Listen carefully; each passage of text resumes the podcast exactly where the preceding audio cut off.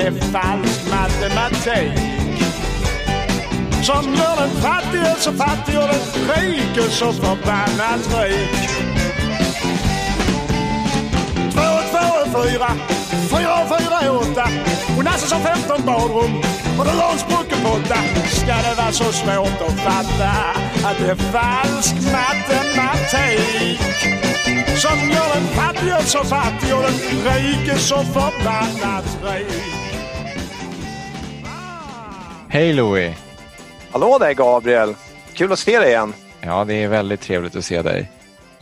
Jag måste säga inledningsvis, alltså väldigt härligt att få höra Peps Persson. I så här, i, jag, tyck, jag tycker att man, jag känner så här, man behöver boosta sig själv lite grann för att igår, det var ju då eh, Ryssland invaderade Ukraina, jag var deppig hela dagen och det väl, känns som är lite orolig fortfarande, men är så obehagligt. Men eh, Jag tror att det kommer dröja länge innan det där går ur, eh, Ja. beroende på vad som händer. Såklart. Det kanske är någonting Ja. som eh, vi får återkomma också till eh, i det här formatet. Och det här formatet det är ju Kreditvärlden, eh, en podd om eh, finansiella marknader generellt, men särskilt i fokus på kreditmarknaden med allt vad det är, med dig då Louis Landeman. och dig Gabriel Bergin. Av och med oss. Mm. Och eh, ja, nu pratar alla Ukraina, Ryssland. Det kanske vi tangerar på också, men vi har eh, några andra ämnen som vi vill ta upp som i och för sig säkert relaterar till det. Om inte minst så tänker jag att en effekt eh, bland många av det här som händer nu, det är väl, säger många i alla fall, att det kan ju bli lite ytterligare tryck uppåt på inflationen och sen Mm. eventuellt Mm. i kombination kanske med svagare tillväxt, det får vi väl se. Mm. Så vissa pratar om lite stag- stagflationsscenario. Mm. Eh, Det blir lite och då- tufft för Riksbanken faktiskt. Ja, och vet du, liksom, så knyter det också an till den här texten av Pers, Peps Persson där. Lönerna är låga och varorna är dyra. Det var ju liksom ett tag sedan vi hade inflation men nu, nu börjar det liksom kännas igen lite grann i plånboken hos, hos många människor här. Mm. Och det var det här som vi tänkte ta upp eh, som tema, eller egentligen är det två teman. Det ena är inkomstfördelning och det andra är penningpolitik. Och Mm. de här två temana är ju båda intressanta i sig men att prata om dem tillsammans, jag tycker att man gör det alldeles för lite. Håller du med Mm. Gabriel? Jag håller med eh, och vi kanske kommer fram till det här längre fram men liksom, jag tror att vad Riksbankens egentliga uppdrag är och inte tror jag går många förbi, kanske inte lyssnar av den här podden men i allmänhet då. Vad, Mm. vi har haft väldigt låga räntor under en väldigt lång tid eh, och det är inte kanske uppenbart för så många vad syftet är och hur det knyter an till, till annan ekonomisk politik. Då. Så, att, så att jag håller med dig. Vilken tur! Då kanske vi kan ha en sån diskussion idag då. Ja. Men eh, för jag tänker så här, vi är väl ändå hyfsat insatta i obligationsmarknaden och Mm. penningpolitik känner jag att jag, jag är ingen superexpert, det ska sägas. Men jag hänger väl i alla fall med hyfsat. Mm. Däremot det här med inkomstfördelning, det måste jag säga att det känner jag själv att jag skulle behöva veta lite mer om. Mm. Mm. Hur är det med dig Gabriel? Ja, och det handlar väl inte bara om inkomst, det är väl också förmögenhetsfördelning till exempel. Ja. Mm. Ja, Vad gör man med de här inkomsterna sen och vem kan göra vad och, och, och allt det där. Så att, ja, nej men exakt. Du tänker kanske, det kanske finns någon gäst som skulle kunna då... Ja, jag hoppas det. Alltså, vi brukar ju ha så bra experter i den här podden som hjälper Mm. oss att reda ut begreppen och nu är det ju så här väldigt fint att vi har med en sådan expert idag. Han heter Daniel Waldenström. Är du med oss Daniel? Jag är med er. Woho! Du är professor vid, eh, vid IFN, eller hur? Ja, det stämmer. Vad är IFN till att börja med? Ja, IFN, Institutet för näringslivsforskning. Det är ett Mm. eh, privat forskningsinstitut, akademiskt forskningsinstitut, Okej. eh, där vi som kommer från universitetsvärlden eller går sedan vidare tillbaks till univers- universitetsvärlden bedriver forskning, nationalekonomisk forskning med fokus på svensk och internationell samhällsekonomi. Eh, olika frågor. Vi har frågor om handel och globalisering, entreprenörskap, skattepolitik eh, och liknande. Sånt som är viktigt för att förstå vår samtid, vår ekonomi. Det låter ju som superintressanta områden alltihop ju. Ja, vi försöker göra sånt som är viktigt. Det är liksom forskarnas eh, fördel kanske, att man kan ja, formulera sina egna frågeställningar. Eh, och då ger vi naturligtvis upp superhöga löner och annat sånt här som många i andra sammanhang, andra sektorer kanske har bättre av. Men vi får då förmånen att titta på det som vi tycker är viktigt och, och stöta och blöta sådana saker. Mm. Men för, visst är det så att du bland annat forskar kring det här just med inkomst och förmögenhetsfördelning, även tror jag social rörlighet och beskattning, är det så? Just det. Det har jag gjort under ett antal år faktiskt. Eh, det handlar om att förstå ja, hur går det för folk i, i samhället? Alltså vilka löner, vilka inkomster får vi? Vad gör vi med dem? Så att säga, sparar vi eh, för att bygga upp en förmögenhet?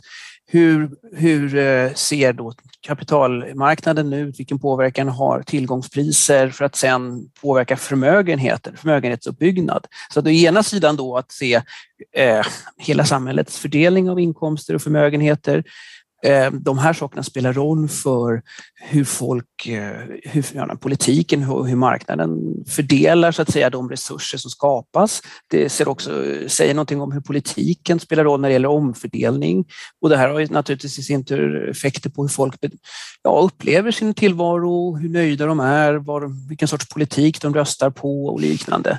Mm, och så där. Så det, är, det liksom kopplas upp till en massa viktiga eh, spörsmål och då håller jag på med dem, dem när det gäller mätning av fördelningar, omfördelningar och effekter av skattepolitik.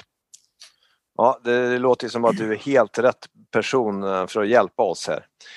Men vi tycker så här, för Gabriel och jag brukar ofta säga i den här podden att vi vill gärna börja från början. Nu ska vi inte liksom hoppa flera hundra år tillbaks i tiden kanske. Men om man... Då kan man läsa här... Pikettys mästerverk kanske. Om man ja. Men ja, precis. Men om man liksom skulle titta på det här lite grann med jämlikhetsutveckling eller vad man ska kalla det, eller inkomst och förmögenhetsfördelning och sånt där i ett lite längre perspektiv i Sverige. Hur, hur, ser, hur, ser, hur är bilden? Om man börjar där så att säga. Ja, precis. Det här är faktiskt något som jag har forskat om. Jag har ja. också faktiskt varit gästprofessor i eh, Paris, eh, mm. jobbat tillsammans med Thomas Piketty och känner honom ganska väl ja, eh, okay. i Paris School of Economics. Mm. Ehm, innan, jag var, innan var jag på Uppsala universitet ett antal år. Mm. Så att, ehm, och då handlar min forskning ganska mycket faktiskt om den historiska biten. Hur har det sett ut i Sverige? Hur har Sverige, Sverige utvecklats i förhållande till andra länder? Och den bilden är å ena sidan då vad vi i forskningen försöker beskriva, men sen visar det sig att det finns en delvis ibland annan bild i den politiska debatten och det här har den är inte alltid överensstämmande skulle jag säga. Och då, jag skrev på DN Debatt tillsammans med Anders Björklund, en annan professor på Stockholms universitet, eh, förra året, på, på, faktiskt på Svenska flaggans dag, 6 juni, mm. om, om just eh, missförstånd i debatten om den svenska inkomstfördelningen mm. eh, som vi tyckte då behövde korrigeras. Vad är det men, för missförstånd då? Ja, nej men alltså så här. Eh, Sverige är idag ett av världens jämlikaste länder, faktiskt kanske fortfarande det jämlikaste landet i världen. Eh, det har varit ganska mycket prat om att eh, inkomstskillnaderna har ökat de senaste decennierna. Eh, referenspunkten 1980 återkommer.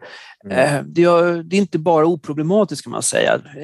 Utvecklingen fram till 1980 80 föregicks av en ganska kraftfull strukturförändring i samhället. Vi, eh, vi hade en utjämning som drevs av att kvinnor kom in på arbetsmarknaden, men också att vi reglerade marknaden, arbetsmarknaden, produktmarknaden, kapitalmarknaden på ett sätt att eh, alltså skatteregler och beskattning och, och, andra typer av regleringar som gjorde att ja, incitament, drivkrafter var väldigt låga. Det, det gick dåligt för den västerländska ekonomin.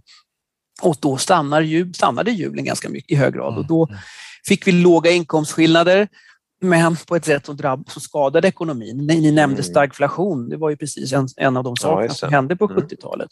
När vi då försökte få igång de hjulen för att få, få mer tillväxt och värdeskapande och välstånd, då, då, I den processen så gynnar det de som, som drivs på och de som utbildar sig och jobbar hårt. Ehm, och, och, medans och det har då, sin, det har då lett till en ökad in, ökade inkomstskillnader ganska långsamt kan man säga. Det har tagit ganska lång tid eh, för den här ökningen att äga rum. Mm. Eh, samtidigt som vi har då haft en väldigt hög hög omfördelningsaktivitet i Sverige. Vi har ju haft högsta skattetrycket i världen och vi har väl nästan det, inte riktigt idag fortfarande. Eh, men sen har det planat ut så att de sista tio åren så har inte inkomstskillnaderna ökat i särskilt hög grad och faktiskt har inte heller förmögenhetsskillnaderna ökat jättemycket bland de som äger tillgångar. Vi kan prata mer om det. Men mm. Sverige är ett jämlikt land. Eh, vi har hög social rörlighet eh, säger data och den bilden är inte alltid den som kommer fram i debatten och det tycker jag vi, vi kände ett behov av att nyansera det här. Så ökningen i Sverige har i procenttermer sett varit eh, hög. Sverige var nämligen kring början på 80-talet det, det landet kanske med de allra mest eh, eller minst eh, spridda eller minsta inkomstskillnaderna i världen. Mm. Alltså då Ja, och vi, vi vet ju att det, jag menar, vi som följer Fredrik och Filip och, eller Filip och Fredrik och liksom DDR-Sverige, menar hur, som det var i eh, början på 80-talet, det var en väldigt, eh, väldigt så att säga, stillastående ekonomi. Och sen har så att säga, vi i procentuella termer ökat eh, mer än andra länder, men vi ligger fortfarande bland, i gruppen med länder, i länder med lägsta inkomstskillnaderna i världen. Men, men då, om det är någon sorts relativt spel, så då kan det ju vara så att det, det är bara det att det är ännu mer, alltså att skillnaderna har ökat ännu mer i andra länder. Ja, Eller? skillnaderna har, kan man säga, inkomstskillnaderna har trendmässigt gått upp i alla länder. Mm. Sen, eh, alltså referenspunkten 1980, den är problematisk för att det var liksom en extrem period. Skulle vi jämföra med 1960 så har det inte ökat på samma sätt. Eller, och skulle vi jämföra med 2010 har det inte heller ökat. Eh, när vi jämför liksom, aktieutvecklingen eller penningpolitik eh, eller, eller, andra typer av stödköp, eh, obligationer och liknande, då tittar vi oftast på 20, de senaste åren. När vi pratar om inkomstfördelningsutvecklingen så ska vi av någon anledning alltid titta på de senaste 40 åren. Eh, det är lite, men, men det är klart, eh, och de här förändringarna har många orsaker och det här är svåra svåra frågor att liksom landa i, men det är den teknologiska utvecklingen. Eh, mm. Jag menar, IKT, vad det nu är, innebär. Vi har globaliseringen som naturligtvis går hand i hand med det. Eh, den här polit politikomläggningen som jag nämnde då, att man ja. på något sätt ändrade synen på reglering och beskattning. Att eh, kanske minska progressivitet i beskattningen och ha en, ha en lägre högsta marginalskatter och större, bredare skattebaser. Precis, för det leder då till nästa fråga, vilket du ja. tangerade tidigare, men det här med förmögenhetsfördelningen. Uh, ser det lite annorlunda ut då än inkomstfördelningen eller hur är det med det då? Ja, eh, det, det gör det. Den ser annorlunda ut. Eh, och det här är också en sån här pedagogiskt problem, ett problem för oss forskare. Då, då för att eh, arbetsinkomstfördelning kan man säga, det är helt enkelt kopplat till att folk eh, har ett jobb. De nästan alla får ett jobb eller åtminstone mm. en inkomst. Eh, du kan vara arbetslös lite temporärt men eh, du har lite lägre när du studerar men, men sen har du ett jobb större delen av ditt liv, sen får du en pension och det är också en inkomst. Förmögenhet däremot, det är väldigt mycket mer kopplat till utvecklingen under livet. Ja. Och vi ser att eh, när du är barn så har du ingen egen förmögenhet i princip. Du kan få lite kulor från eh, släktingar och sådär, men de flesta har inte det. Utan det är kopplat till att du börjar jobba och börjar kunna spara. Eh, och den, den, andra källan är då eh, också då att eh, du kan, eh, dina tillgångar kan öka så att säga, i värde. Men vi ser egentligen att det är inte förrän 30-40-åringar, 30-40 års åldern som vi börjar få liksom en rejäl förmögenhetsuppbyggnad. Mm. Så att många av de fattiga i en förmögenhetsfördelning är faktiskt unga. Eh, och då gäller oss alla och det, är inte ba, det, gäller, det i sig är en typ av fattigdom som inte bara är jätteproblematisk utan den, det är en av mer övergående natur. Men sen då ser vi att eh, när vi tittar på vad för sorts tillgångar som man får när man då blir äldre, då är det egentligen när det, eh, man kan tänka sig då att det, det är idag en... De flesta människorna har två sorters tillgångar. Det ena är deras bostad. Mm. Så det, är, det är bostaden som har, det står för det mesta i, i, i tillgångslag. Eh, och det vet ni ju, det kan ju vara småhus, villor, det kan vara lägenheter, bostadsrätter. Mm. Det, det, är den ena tillgången eh, och den är ofta högt belånad. Eh, den andra tillgången är pensionssparande. Ja. Och då är det tillgångar som är delvis fonderade, som är kopplade till avtalspensioner. Eh, de här systemen ser lite olika ut i olika länder. faktiskt. Det är ganska intressant att jämföra. Men Sverige har ett system där vi får helt enkelt en avsättning på pension eh, från, från arbetsgivaren, som är en del ofta i många avtalsupplägg. Och då har du pengar på ett konto. Sen har du å andra sidan den offentliga inkomstpensionen och den är ju huvudsakligen inte fonderad utan eh, den, vi har den här premiepensionen som är fonderad. Den har ju då ett litet bankkonto med ditt namn på. Men sen har du de här dragningsrätterna på det offentliga systemet som inte är pengar som du kan ha idag utan, eh, utan de är ju så att säga ett löfte om framtida inkomster och de brukar vi inte räkna som en förmögenhet. Men avtalspensionen är, utgör faktiskt en jättestor, relativt sett viktig del av folks tillgångar eh, över hela fördelningen, ska jag säga. Även de som är i hyres, hyresgästinnehav, eller eh, mm. hyresgästägare, vad säger man, hyresrättsinnehavare. Ja, eh, så att, eh, men det är i alla fall det är de två tillgångarna. Men jag tänker så här spontant då, om man ser de senaste tio åren så har ju till exempel bostadspriserna gått upp jättemycket. Så då tänker jag själv att det borde ha blivit en jättestor skillnad mellan de, är det två tredjedelar av svenskarna som äger sin bostad och sen de som då hyr och inte äger någonting. Och sen kan det vara då som du säger att det är fler som är lite äldre som äger och då får man också ökade generationsklyftor liksom, eller? Jo men det stämmer, det stämmer. Så det, det som är den nya bit, den nya så att säga, jag menar, vad jag inte riktigt nämnde var att eh, den, den den högsta delen, eller den rikaste delen av befolkningen, där är det ju framförallt aktier. Mm. Eh, ofta handlar det om bolagstillgångar, ofta är då kopplade till sådana bolag man själv driver. Så att säga.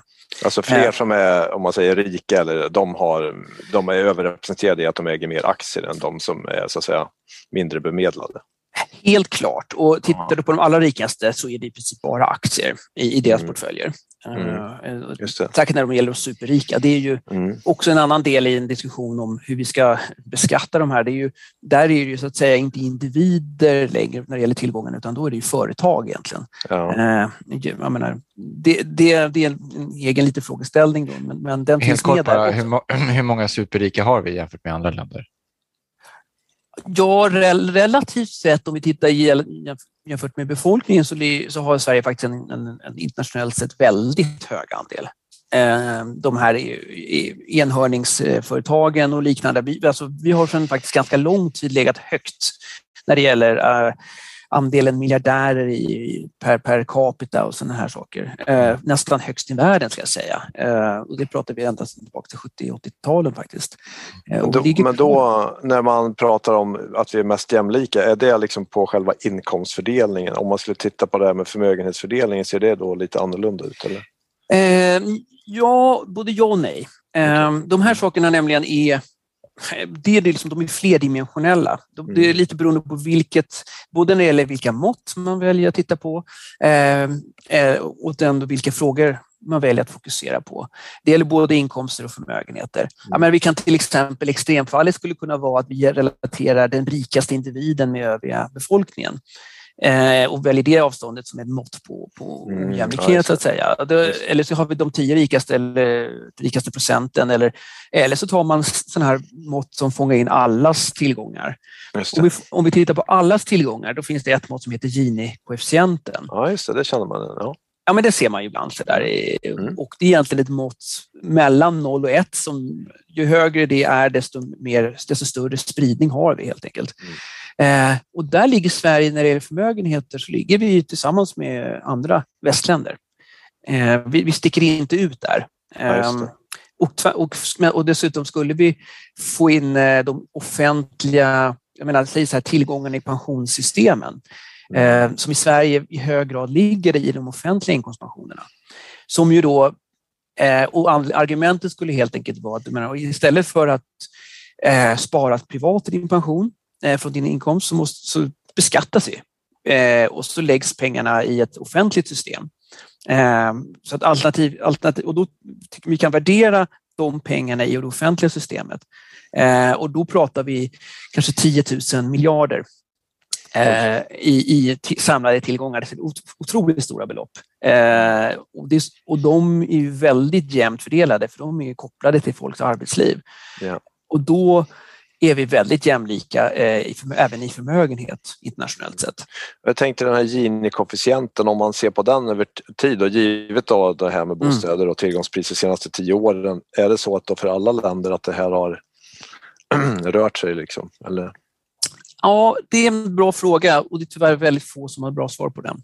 Okay. Och anledningen är att det, det, är svårt att få bra data på förmögenheter. Mycket, mycket mm. svårare än för inkomster. I, inkomster vissa länder, som i Sverige, då har vi data från eh, register, alltså taxeringsregister och så. Så vi kan få data regelbundet eh, på vad folk mm. tjänar, eller både vad är utdelningar och räntor och sådär, men även lön. I många andra länder så frågar man folk i enkäter eh, och då visar det sig att folk har mycket bättre koll på sina inkomster, arbetsinkomster än vad de har på sina ägarportföljer. Mm. Och, och, eh, och, många undersökningar frågar inte ens om, om portföljer, liksom ägande och har inte gjort det över tid. Så vi, vi vet inte jättemycket om trender i förmögenhetsfördelningen. Vi vet en del eh, och det vi vet är att trots det, och det här är den, den eh, intressanta och ganska uppseendeväckande tycker jag, eh, ja, resultatet helt enkelt att trots de här tillgångsprisökningarna vi har sett i, eh, i västvärlden under de sista 20-30 åren kan man säga, både på aktiemarknaden och på kapitalmarknaden eller på fastighetsmarknaden, så har vi inte fått, och, och trots också att vi haft de här eh, liksom globaliseringseffekterna på superrikas tillgångar, eh, mm. vilket vi känner till ganska väl, så har vi inte fått extrema ökningar i förmögenhetsskillnader. Eh, utan, enligt den data som finns? Enligt den data som finns, precis. Eh, och, och egentligen den huvudförklaringen är, och det som, det som jag började säga, det, det är att folk äger faktiskt bostäder som har ökat i värde och de äger aktier via sparande i fonder men också sparande via avtalspensionen och som också är fonderat. Men det som låter lite märkligt är ju att alla äger inte sin bostad. Nej, eh, och det är klart att de och det, och det är lite det som är då, vilket, vilka mått eh, väljer vi att titta på? Många av de som inte äger sin bostad är unga eh, och, och de så att säga de har, de har ofta, de har nästan typ alltid varit lågt på förmögenhets, eh, i förmögenhetsfördelningen. Eh, Medan de som annars, medan de äldre som har en hyresrätt, de har, de har missat det här tåget eh, som vi har sett. Och skillnaden mellan dem och resten har ökat. Det påverkar faktiskt inte eh, i alla fall de här vanligaste måtten på inkomstskillnad eller förmögenhetsfördelningen så där jättemycket. Eh, få individer, eller? Ja, det är lite, de är lite för, de är inte sådär, de är, de är inte jättefå, men eh, de, många av dem har då hängt med när det gäller avtalspensioner, eh, vilket gör att de har ändå hängt med i, i hög grad. så att säga. När det gäller bostadsinnehav så är de här extrema nivåerna oftast kopplade till storstäder, Stockholm inte minst. Då. Men eh, småstäder har det visserligen ökat procentuellt sett, men, men det är i, i absoluta nivåer fortfarande mm, inte så där enormt stora belopp. Men, men ja, skillnaderna har ökat när vi, tar, liksom, när vi tittar på vissa av de grupperna. Men mm. för befolkningen som helhet så har inte skillnaderna ökat så det explosionsartat. Just det. Men du, Louis, jag tänker lite ja. på, vi pratar ju här om finanskrisen, vi pratar om utvecklingen de senaste tio drygt åren. Ja. Någonting som ändå har varit ett skifte kan man väl säga från innan och som kanske också som, som vi kanske får återkomma till nu då är liksom, som har påverkat det här, eh, hävdar en del. Inkomstfördelning och framförallt då förmögenhetsfördelningen är ju ja. den penningpolitik som har bedrivits. Och Louis, du hade något klipp va, på hur Jag tänkte vi börjar med att lyssna med ett klipp här med Bernanke från 2010, jag tror att det är i 60 minutes. Mm. Friday's unemployment number was a troubling surprise, up from 9.6 to 9.8 percent. The economists who decide such things say the recession ended in 2009, but this is the worst recovery the nation has ever seen. Ben Bernanke is concerned. As chairman of the Federal Reserve, Bernanke has enormous power over the world economy, and he's used that power in ways that the world has never seen. During the panic of 2008, he committed trillions of dollars to rescue the financial system, and the Fed dropped interest rates nearly to zero. Now, in a new move that's become controversial, Bernanke intends to commit another 600 billion to hold down interest rates. Och varför vi då valde att lyssna på det här, det låter ganska dramatiskt, men 2010, det är nämligen så att vad Riksbank, eller Riksbanken, vad centralbankerna eh, gjorde under eh, finanskrisen var naturligtvis att stimulera så mycket man kunde för att liksom undvika den här kollapsen av det vad ska vi säga, av det globala finansiella systemet egentligen. Mm. Det låter mm. dramatiskt, så det var väl egentligen så. Um, och då lanserade ju bland annat Federal Reserve väldigt stora köp av olika former av tillgångsportföljer, mycket obligationer. Så man gick in och stödköpte och det var ju naturligtvis delvis för att hjälpa bankerna men även för att liksom trycka ut pengar i systemet för att när bankerna kan sälja de här obligationerna får man pengar, man kan göra andra saker med dem och det leder i, i sin tur då, tänker man till att det ska liksom sippra ut i, i ekonomin. Och att man gjorde det då var väl inte jättekonstigt givet hur dramatiskt läget var men det som var intressant och varför vi plockade upp det med 2010 det var ju därför att efter finanskrisen då, gick ju fortfarande eh, amerikansk ekonomin lite halvknackigt. Mm. Mm. Då lanserade Fed med Bernanke då i spetsen ytterligare ett väldigt stort paket med tillgångsköp som kallas för QE2. Och det här följdes uh, senare över tiden så liksom med flera åtgärder mm. så i 2012 så kom QE3 och, och det blev mer och mer av den här varan. Sen så under perioder försökte man trappa ner på det här och lyckades väl lite grann men det var, det var väldigt svårt och, och om man bara hoppar väldigt snabbt framåt så nu under pandemin så har man då QE4. Och eh, det här är då Fed i USA men sen vet vi att även ECB eh, i Europa lanserade med start 2015 och även då Riksbanken 2015 när vi sänkte räntan till negativ. Om man var orolig för deflation så började man även här köpa tillgångar. Inte så mycket men man var ändå uppe i eh, några hundra miljarder eh, som man hade köpt 2018 så tror jag att Riksbanken hade köpt statsobligationer för 320 miljarder. Men vad som sen har skett och som kanske många utanför finansmarknaden inte vet är ju att i samband med pandemin så gick man ju även här i Sverige in ganska mycket i Riksbanken och sa att man utökade stödköp. Så nu köper man statsobligationer, man köper så kallade säkerställda obligationer och även företagsobligationer. Och de här 320 miljarderna som var i slutet av 2018 är ju då i januari i år så var man uppe på nästan 1000 miljarder kronor som man har köpt i obligationer och då mm. pratar vi om alltså hälften av svenska statsobligationsstocken som sitter hos mm. Riksbanken och ungefär 20 procent av säkerställda obligationer så det är väldigt, väldigt betydande belopp.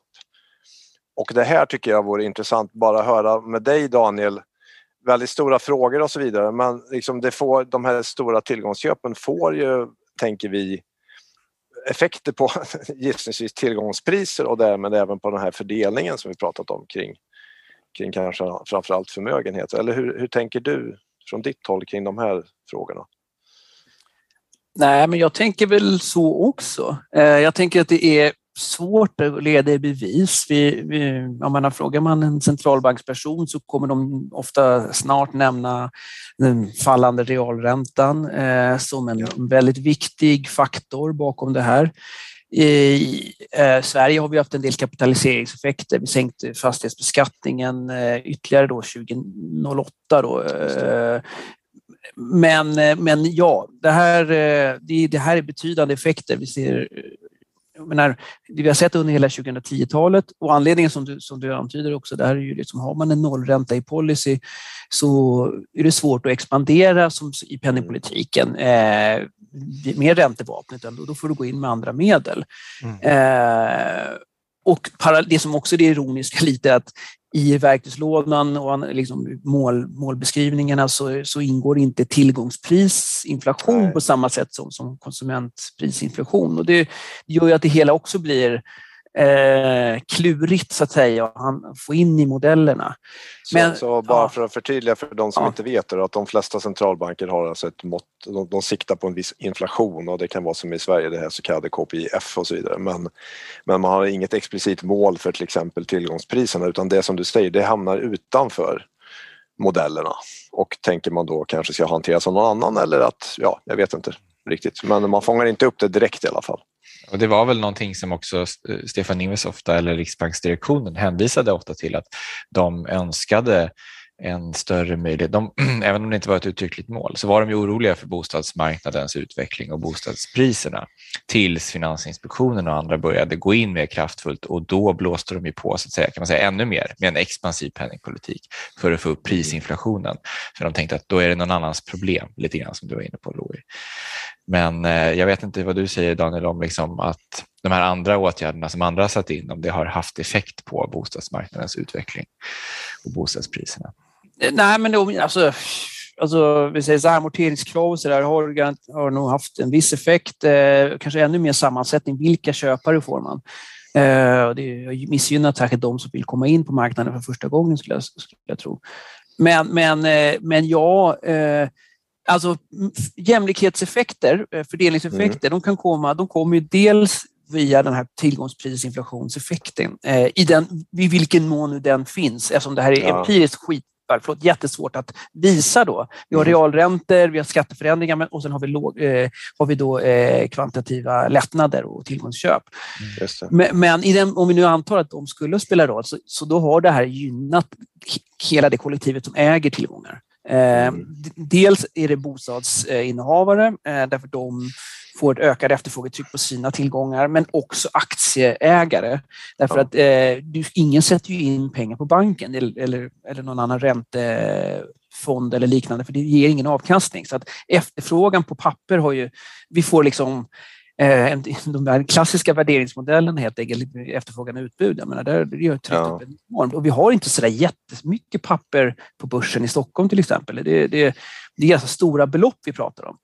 Eh, kan man säga så att lite grann om man tänker så här att i och med att man så att säga, trycker ut mer pengar i systemet genom att man gör de här tillgångsköpen så kan man säga att det borde ju leda till att de som så att säga har pengar och tillgångar, ja de kommer att bli mer värda helt enkelt. Ja, Eftersom de, man kommer att köpa de tillgångarna som de har så att säga. Ja men precis, alltså, jag tror att man eh, Precis, jag tror att det kan stämma. Man får ut pengar i systemet. Det beror lite på vilka, vilka, de, vilka, vilka tillgångar man har då vi pratar om. Mm. Eh, jag, tror definitivt det kan vara så när det gäller företagsobligationer, när det gäller de här säkerställda obligationerna på bostadsmarknaden och så. Vad jag förstått också så är det så att Riksbanken varit oroade för att inte bankerna ska kunna eh, kapitalisera eller finansiera sin utlåning. Eftersom inte folk stoppar in pengar på banken mm. på samma sätt så, så behöver de få in medel någon annanstans ifrån. Eh, och det i sin tur kommer till nästa del då i fördelningseffekter. Det är ju eh, om, eh, om då inte eh, bostads, alltså om bankerna kan bibehålla en, en, en balanserad liksom, verksamhet, vilket gör att de måste annars då höja räntorna ganska mycket.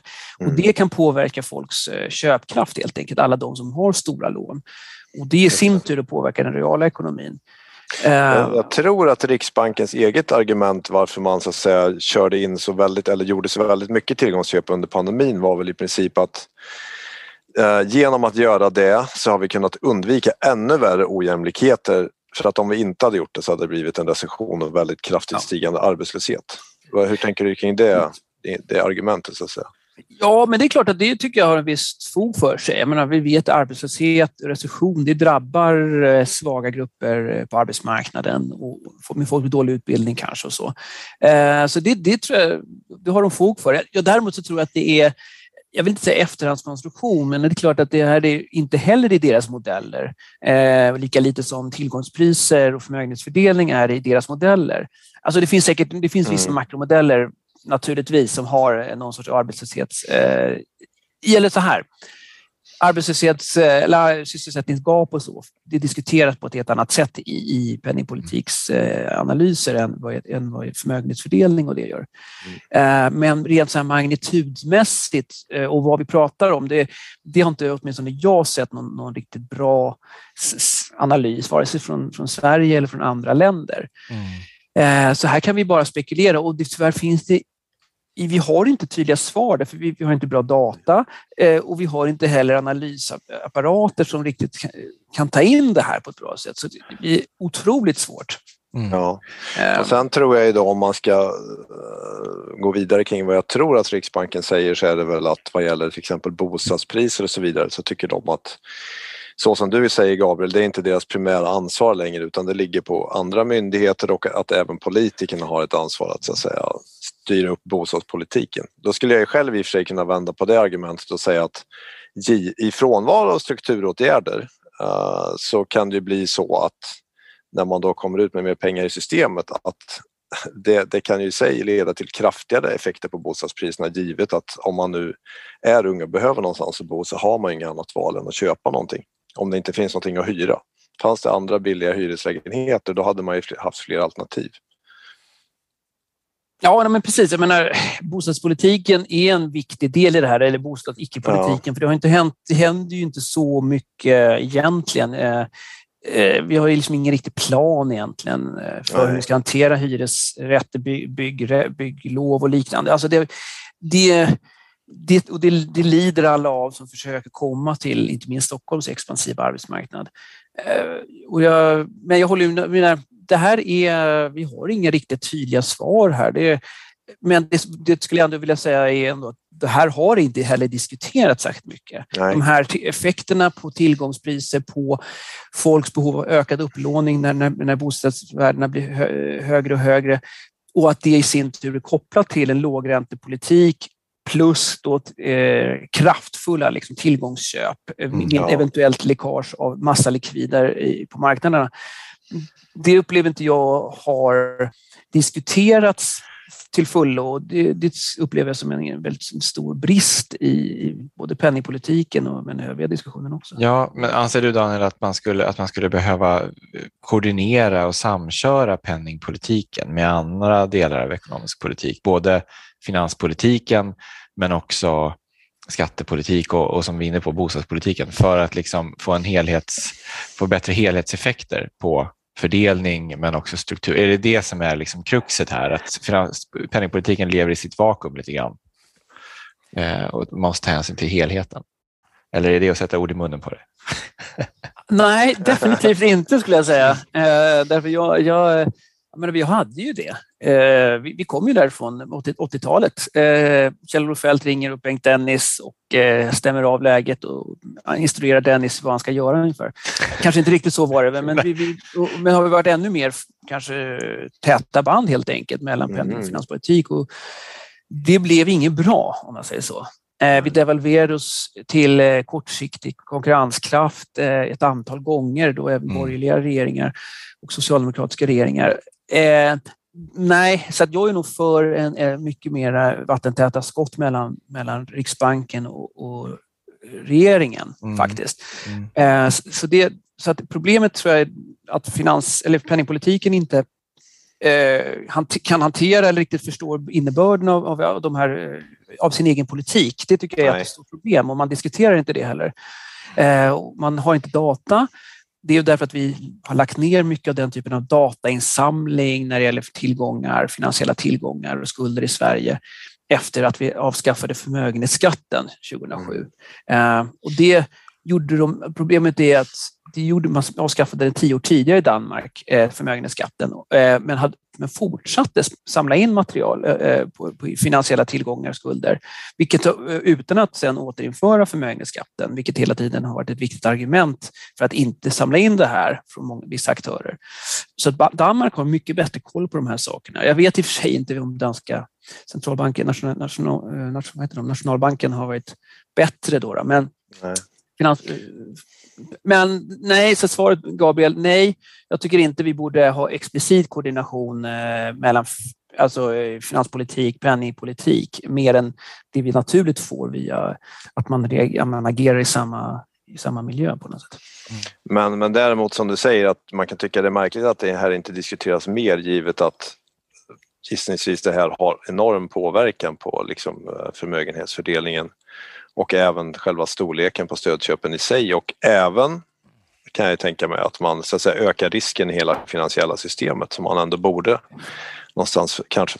Personligen så tycker jag kanske att man är lite väl enögd i att man styr just mot den här KPIF och sen så säger man allt annat ligger raljerar lite. Det ligger utanför modellen så det tar vi inte hänsyn till. Och eh, för mig känns det nästan lite läskigt att man Alltså går man för ensidigt på ett spår och styr mot en variabel så känns det som att det kan hända väldigt mycket kring alla möjliga saker kring på sidan om.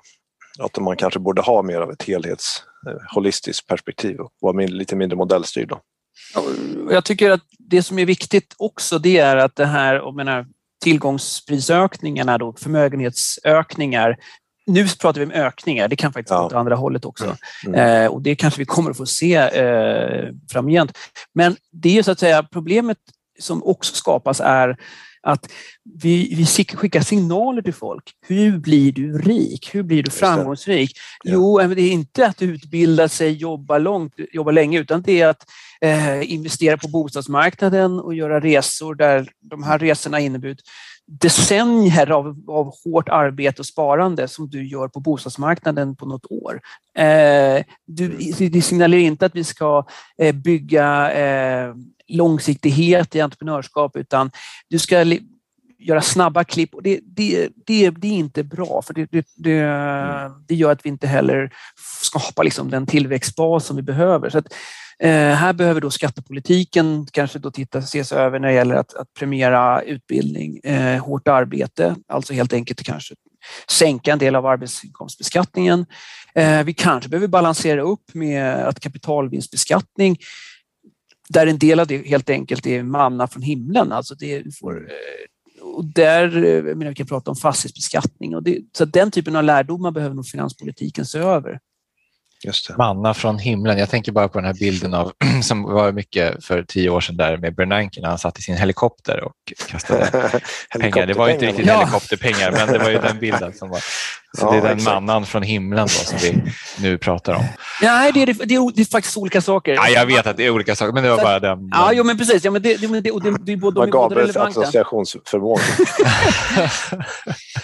Nej, för precis. Förlåt Adrian. Nej, men alltså någonstans, alltså, det är ju liksom, man pratar ibland om windfall gains. Yeah. De här kapitalvinsterna helt enkelt som hamnar i knät på dig mm. för att eh, världsmarknaden utvecklas åt ett visst håll eller liknande. Utan att du har gjort rätt så mm. har du bara råkat komma väl ut. Eh, i, I parentes ska jag säga, det finns en jättebra bok av, av eh, eh Eh, Robert Frank, en professor på Cornell University, som heter Success and Luck. Och den mm. handlar just om hur vår framgång oftast beror mycket mer på andra omständigheter än vårt eget arbete, men hur vi mm. hela tiden tenderar att bortse från det och tro att det har att göra med vår egen, vår, vårt eget slit och vår egen mm. begåvning. Vår bias att försöka tro att vi är rationella fast vi inte är det. Liksom. Ja, och framgångsrika, duktiga. Liksom, ja. att vi, det är vi ja. som ska, vi har oss själva att tacka trots att vi, mm. det finns massa andra faktorer. Men, men, jo, men, och sen finns det då, eller, men att helikopterpengar det är ju det här, äh, hur ska... Jag menar, vi, vi får inte bara trycka pengar eh, och ge ut eh, hur som helst. Och dessutom, om du nu skulle försöka göra det, hur ska du få ut dem på ett bra sätt, så att säga? Eh, ja. menar, regeringen får inte göra det hur som helst. Vi har liksom regler i, i finanspolitiken mot den typen av, av eh, styrlöst beteende. Och då helikopterpengarna är då ett sätt att helt slumpmässigt bara hiva ut. Så att vi har ingen idé om att just den gruppen ska gynnas. Utan vi hade ju den... faktiskt nästan riktiga helikopterpengar i USA under, här, under pandemins period. Var precis det jag satt och ja. tänkte på, att det är väl det som har orsakat den här väldigt höga inflationen i USA nu, att man har just hivat ut pengar till varenda hushåll som naturligtvis spenderas. Hushållscheckar och sen så ja. blir det ju helikopterpengar eftersom Fed i, i, under tiden har köpt statsobligationer. Så det är inte direkt kopplat. Men... Nej men absolut, och det där är definitivt ytterligare exempel till i alla fall i min värld, så min, min, var det här ett bevis på att den, den amerikanska eh, ska säga, socialförsäkringsmodellen har inte funkat. Utan här, där står ju folk i princip nästan och mm. svälter ihjäl. Eh, mm. Eh, det här, då var man tvungen att på något sätt göra någonting eh, på kort sikt och det blev inte heller bra med inflationseffekterna. Men i Sverige har vi de här automatiska stabilisatorerna via eh, mm. socialförsäkringen. Så folk, Ja, jag menar precis. Och det, mm. det är en, hel, det är liksom en klart bättre modell objektivt skulle jag säga, särskilt i en krissituation. ja, vad tror du kommer hända framöver nu då? Vad, hur ska man tänka kring det här med uh, inkomst och kapitalfördelning och fördelningen? Ja, alltså så här. Det, det är något som är, vi ska ha med oss, det är att den, den, den svenska, det svenska välståndet eh, och fördelningen är på en nivå där vi inte behöver känna oss gravt oroliga. Alltså svenska arbetsinkomsttagare har haft en exceptionellt positiva inkomstutvecklingen de sista 20-30 åren. Alltså, och jag tror vi alla känner det. Jag menar, det, det vi, vi, har pengar. Vi har, det finns pengar för alla som är med i ekonomin så har det gått bra. Eh, vi kan bara prata om utlandssemestrar och bra bilar, kläder, nöjen. Alltså, Men om man är ung så har man ju svårare att köpa sin bostad till exempel, eller? Eh, det har man. Eh, alltså jag vill bara säga så här, det, det, är liksom, det är en del av fonden på något sätt. Att, mm. att, eh, det är, men, men, men sen är det så att säga, eh, ja, om du, har ung, om du är ung så har du svårt att eh, eh, köpa en bostad, kanske i vissa avseenden. Det viktiga då är att du får ett, en utbildning och ett jobb som ger dig en inkomst så att säga, det, som är grunden för att kunna ta ett lån.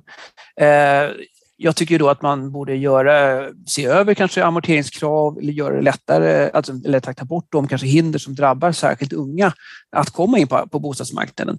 Jag tycker vidare att jag tycker att ägt, ägt boende är en, en, en bättre modell än hyrt boende.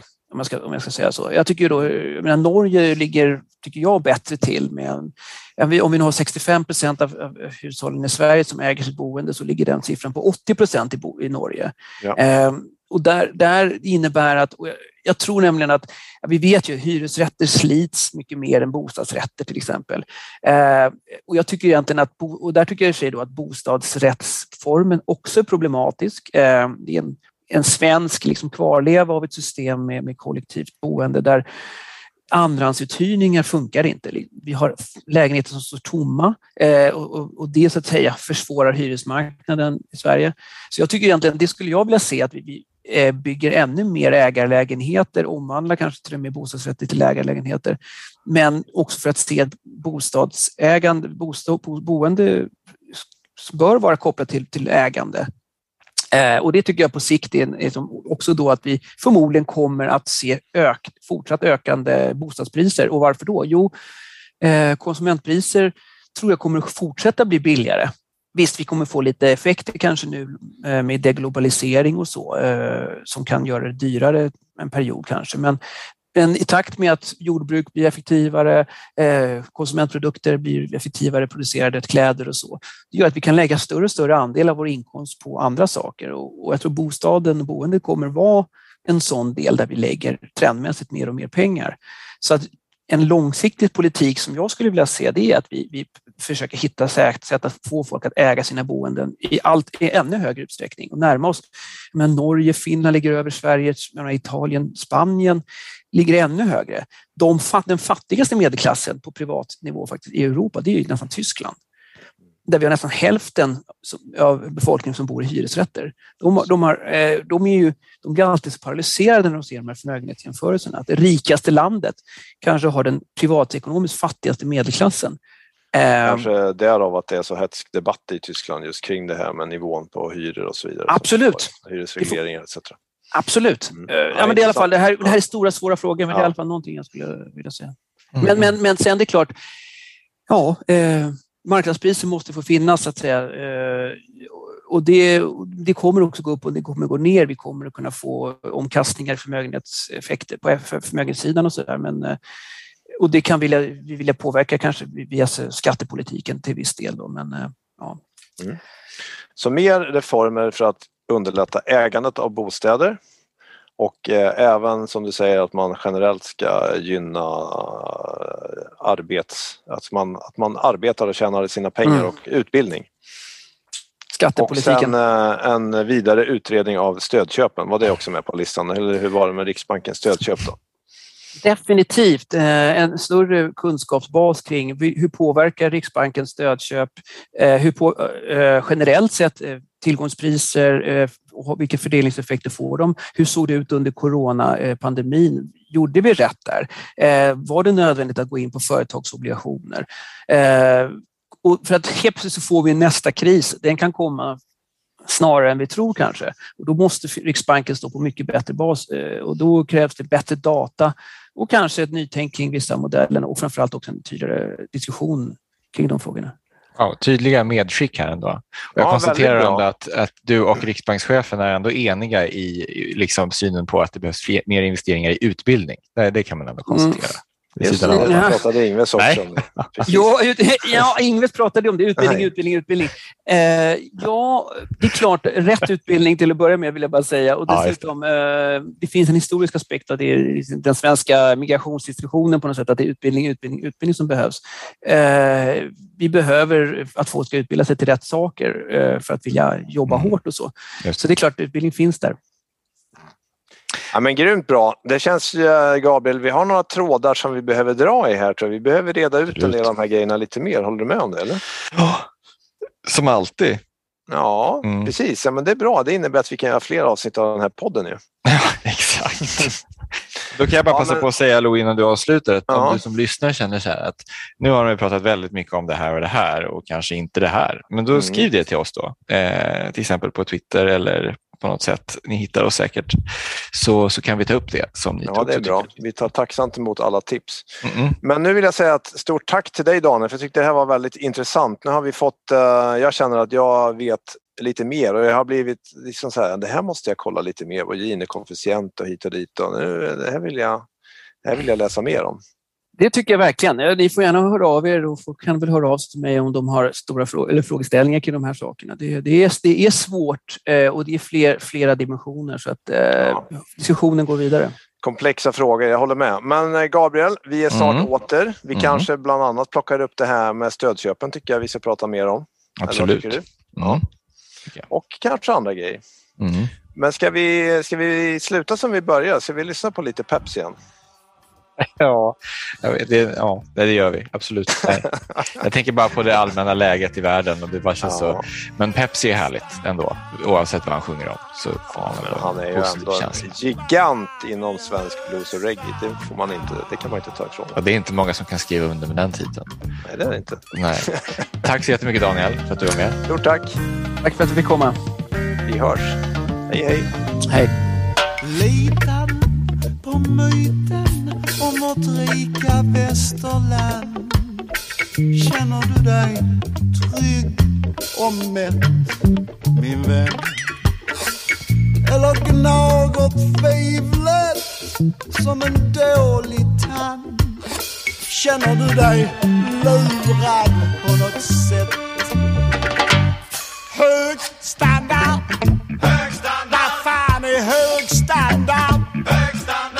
Vad ska du med bil och villa? Bil och villa. När du mår så jävla illa. Jävla illa. Av det du är.